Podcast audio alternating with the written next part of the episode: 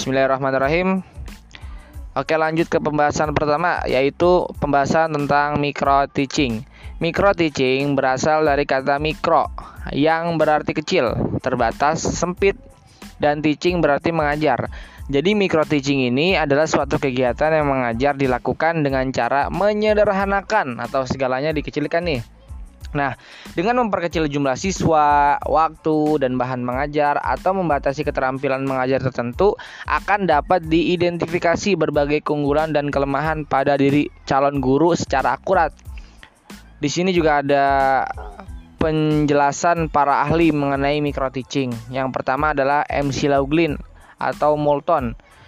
Dia menjelaskan pembelajaran mikro pada intinya adalah suatu pendekatan atau model pembelajaran untuk melatih penampilan keterampilan mengajar guru melalui bagian demi bagian dari setiap keterampilan dasar.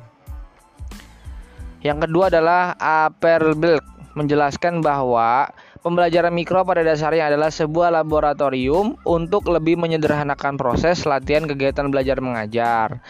Dan yang ketiga adalah Sugeng Paranto menjelaskan bahwa pembelajaran mikro merupakan salah satu cara latihan praktek mengajar yang dilakukan dalam proses belajar mengajar yang dimikrokan untuk membentuk mengembangkan keterampilan mengajar.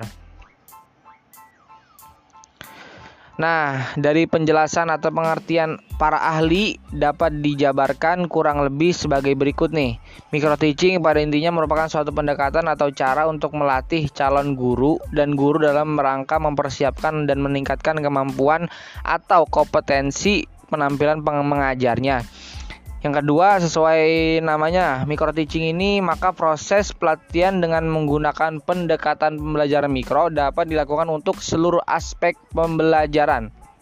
Nah, adapun dalam teknis pelaksanaannya dilakukan secara bertahap nih dan hanya memfokuskan pada bagian-bagian secara terisolasi sesuai dengan apa yang dikendaki oleh yang akan berlatih atau sesuai dengan arahan dari supervisor. Dan yang ketiga, pada saat peserta berlatih melakukan pendekatan pembelajaran mikro untuk mencermati penampilan peserta, dilakukan pengamatan atau observasi oleh supervisor atau oleh yang berpengalaman. Hmm. Ini yang berpengalaman ya. Terhadap setiap penampilan peserta dilakukan pencatatan, direkam, dokumentasikan, kemudian dilakukan diskusi umpan balik untuk mengkaji kelebihan dan kekurangan dievaluasi. Kemudian menyampaikan saran dan solusi pemecahan untuk memperbaiki terhadap kekurangan yang masih ada dalam proses latihan berikutnya. Seperti itu.